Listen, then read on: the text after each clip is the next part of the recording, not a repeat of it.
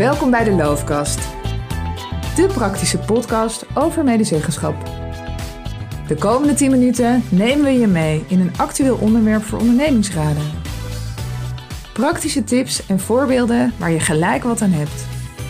Welkom bij een nieuwe aflevering van De Loofkast. Uh, mijn naam is Erik Riet. En samen met uh, Mark Steinenburg gaan we je de komende minuten meenemen in de ins en outs van het initiatiefrecht. Mooi onderwerp. Ja, en um, nou, we gaan bespreken uh, de, de, de do's en don'ts, zal zeggen, van het initiatiefrecht. Uh, we zullen ook nog eventjes uh, contact leggen met onze huisadvocaat, met Dirk Domela Nieuwhuis van Bos Advocaten. Die zal nog een stukje uitleg geven over het verschil tussen het initiatiefrecht en het instemmingsrecht. En we, hoop, we hopen je ook wat ja, praktische voorbeelden, inspiratie te kunnen meegeven over hoe het initiatiefrecht te gebruiken.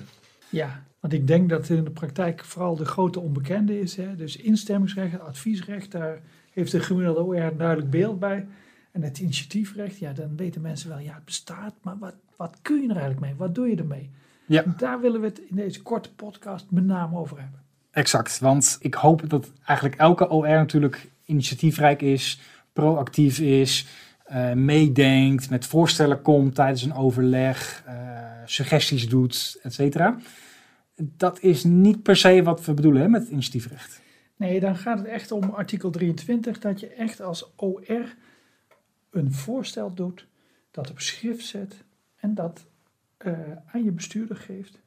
Ja. En dan begint er. Ja, dus dit is eigenlijk een wat zwaarder instrument hè, dan dat je gewoon zo in het alledaagse, of nou niet alledaagse, maar gewoon in het normale overleg met elkaar bezig bent.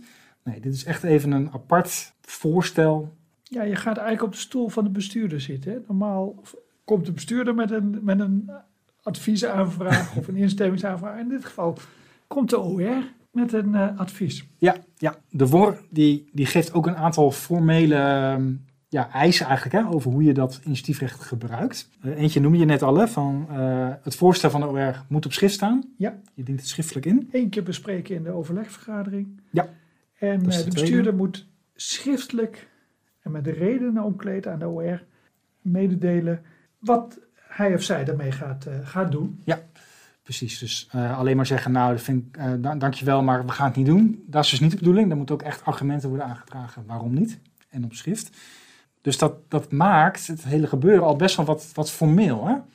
Ik vind dat zelf eigenlijk wel mooi, omdat je daarmee volgens mij ook onderstreept, als het ware, de, de zwaarte van je voorstel. Dat dit niet zomaar een, een losse vlodder is of even een ideetje wat je even op tafel gooit. Nee, dit is echt wel voor jullie een, een serieus onderwerp waar je tijd in hebt gestoken en wat echt even ja, uh, grondig en serieus moet worden, moet worden behandeld. En uh, in die zin, uh, de, de wettelijke vereisten, zeg maar, die, die helpen je daar dan een beetje bij om dat die kleur eraan te geven. Ja. Mark, je zei het net al, hè, van je gaat eigenlijk al een beetje uh, op de stoel van de bestuurder zitten.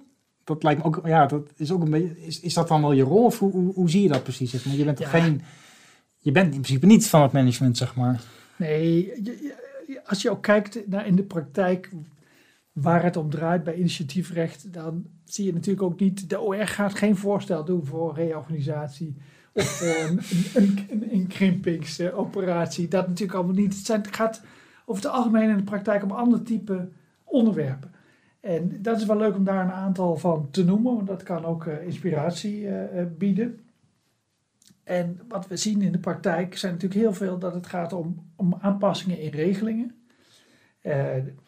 Wat we natuurlijk gezien hebben, dat, dat op het moment dat de, de, de nieuwe fiscale regels kwamen voor fietsplannen, dat heel veel bedrijven best langzaam gingen om, om, om dat te adopteren. En dat heel veel ondernemersraden dachten, nou, daar willen wij wel wat mee. Ja. ja, en dan is het initiatiefrecht een prachtig middel om dat op de agenda te zetten. En gewoon met een heel concreet uh, voorstel te komen. Ja, dus vaak zie je dit volgens mij ook gebeuren bij onderwerpen die voor een OR belangrijk zijn. Ook direct vaak de collega's raken. Dus wat, wat praktisch, aange, ja, wat praktisch van aard zijn. Ja. En waarbij je dan ook merkt dat er binnen de organisatie, ja, daar zit dan niet zoveel energie op, zeg maar. Nee, het zijn, het zijn soms ook lastige, uh, administratief lastige onderwerpen. Hè. In coronatijd zagen we natuurlijk ook dat uh, allerlei noodmaatregelen genomen moesten worden. Maar dat zoiets praktisch als, ja, hoe, hoe zit het dan precies met thuiswerk? Hoe zorgen we dan dat iedereen een goede werkplek heeft als er verplicht thuisgewerkt moet worden? Dat we wat doen aan kostencompensatie voor energie, maar ook voor het aanschaffen van een goede bureaustoel. Allemaal dat soort zaken. Uh, en uh, heel veel initiatieven van ondernemersraden op dat, dat gebied. Heel leuk om, om te zien. Dus heel, heel praktisch ook. Ja, ja inderdaad, heel praktisch. Een ander leuk voorbeeldje wat ik laatst hoorde van een OR. Uh, die waren bezig met een initiatief om zogenaamde Focus Fridays in te stellen. Dus wat bedoel ze daarmee? Dus dat, je, dat eigenlijk dan de afspraak zou zijn dat je op vrijdag nooit een, een groepsmeeting zeg maar, of een overleg plant zodat je de ruimte hebt om zelf uh, even meters te maken zeg maar, en gefocust te kunnen werken. Prachtig voorbeeld. Nou, ik denk dat onze luisteraars nog, nog wel een aantal van dit soort mooie voorbeelden hebben van uh, initiatiefvoorstellen. We, we horen ze graag. Hè? Dus ja. deels met ons. Straks zeggen we even waar je dat uh, kwijt kunt. Ja, ja dus ik, ik, denk hè, dat de rode draad is, hou het vooral dichtbij. dus praktische dingen, zaken die direct van belang zijn voor je collega's, waar ze direct profijt van hebben.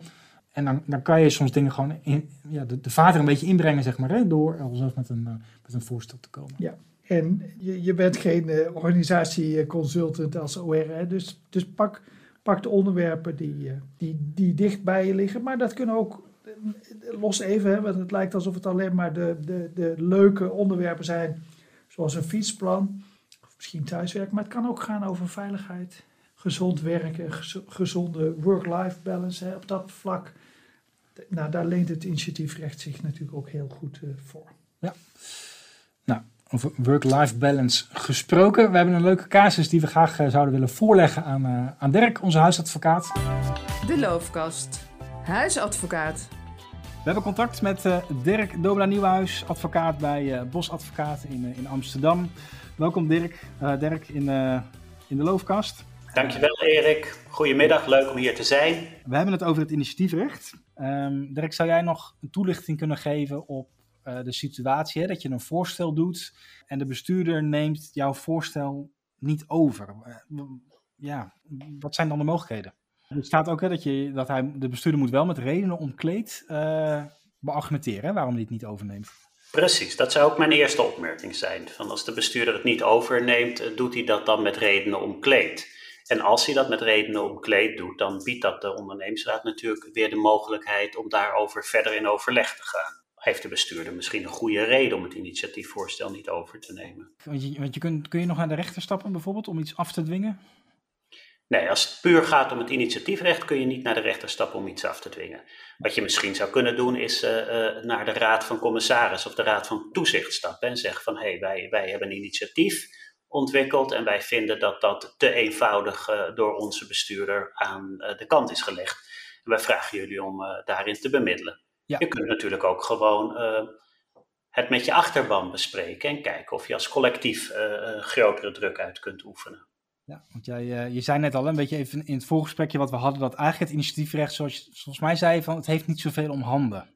Nou, het is natuurlijk een heel belangrijk recht, maar als het gaat om de afdwingbaarheid, dan uh, heb je als ondernemingsraad weinig middelen. Ja, precies. Dus het is weinig hard te maken in die zin, maar het is wel denk ik een mooi instrument om het gesprek te hebben met elkaar. Absoluut. En je ziet natuurlijk uh, in heel veel ondernemingen waarin de vakbonden niet meer zo'n ontzettend uh, prominente rol innemen, dat het overleg over een hele hoop zaken met de ondernemingsraad gevoerd wordt. Nou, als dat een gebruik is, dan rust ook wel de verplichting op de ondernemer, op de bestuurder, om naar een ondernemingsraad te luisteren en initiatiefvoorstellen serieus te nemen. En dan uh, tot slot nog even een hele praktische stel. De OR die doet een initiatiefvoorstel. Uh, dat wordt overgenomen door de bestuurder. En dat is een, een besluit wat in principe valt onder het instemmingsrecht. Dus bijvoorbeeld, de OR doet uh, het voorstel om de manier van roosteren te veranderen. Dat iedereen wat later kan beginnen of een andere aanpassing hè, om de work-life balance een beetje te verbeteren. De bestuurder neemt dat over. Normaal gesproken zou je zeggen, hè, dat is toch instemmingsplichtig. Hoe zit dat dan nu? Is dat dan nu ook het geval? Ja, het blijft natuurlijk een besluit. hè, als het gaat om een instemmingsplichtige aangelegenheid, dan blijft het een besluit op grond van artikel 27 lid 1 van de wet op de ondernemingsraden. Dus dan is het formeel instemmingsplichtig.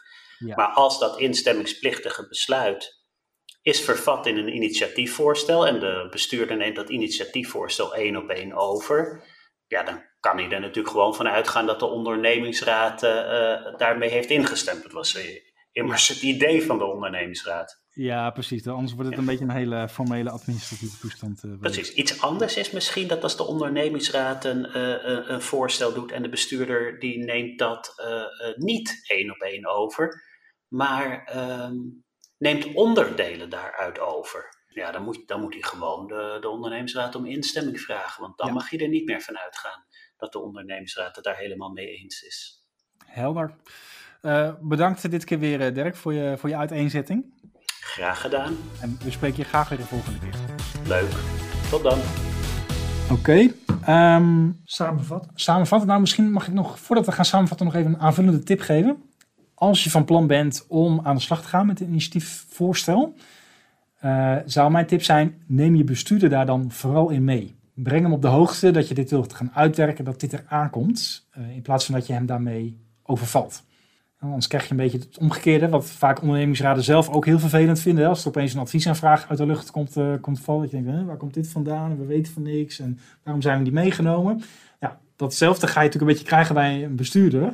Uh, als die in één keer uh, als een konijn uit de hoge hoed een, een initiatiefvoorstel in de, in de mail krijgt. en voor hetzelfde hè, loopt er al van alles aan, aan gebeuren.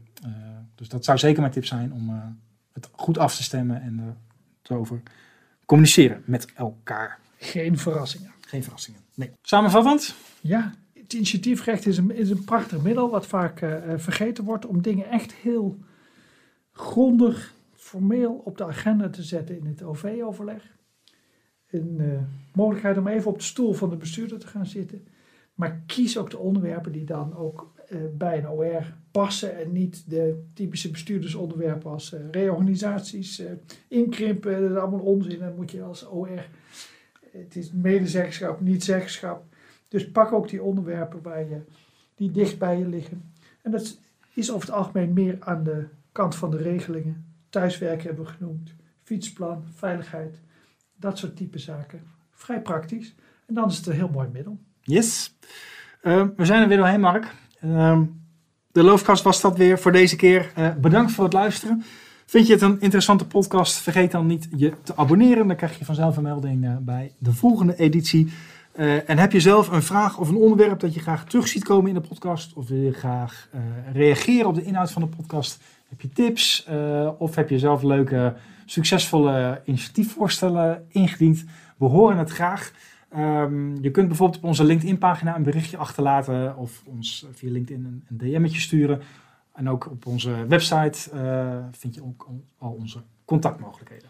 En het onderwerp voor de volgende keer staat nog geheim? Of, uh... Nee, dat is zeker niet geheim. Uh, volgende keer gaan we het hebben over hoe je op een goede manier kan omgaan met signalen die je krijgt vanuit de achterban. Oh, ik dacht, hoe ga je om met geheimhouding? Ja, nou, die staat ook nog op de rol. Dus, ja, uh, nou, volgens mij gaan we die eerst doen. Oh, die gaan we eerst doen. Nou, ik vind het allemaal prima. Uh, dat in ieder geval voor de volgende keer. Dankjewel voor het luisteren. En uh, we spreken je graag weer een volgende keer. Dit was de Loofkast. De praktische podcast over medezeggenschap. De Loofkast wordt je aangeboden door Looftraining en Advies. Ontdekken wat wij voor jou OR kunnen betekenen? Bekijk onze website op www.looftrainingen.nl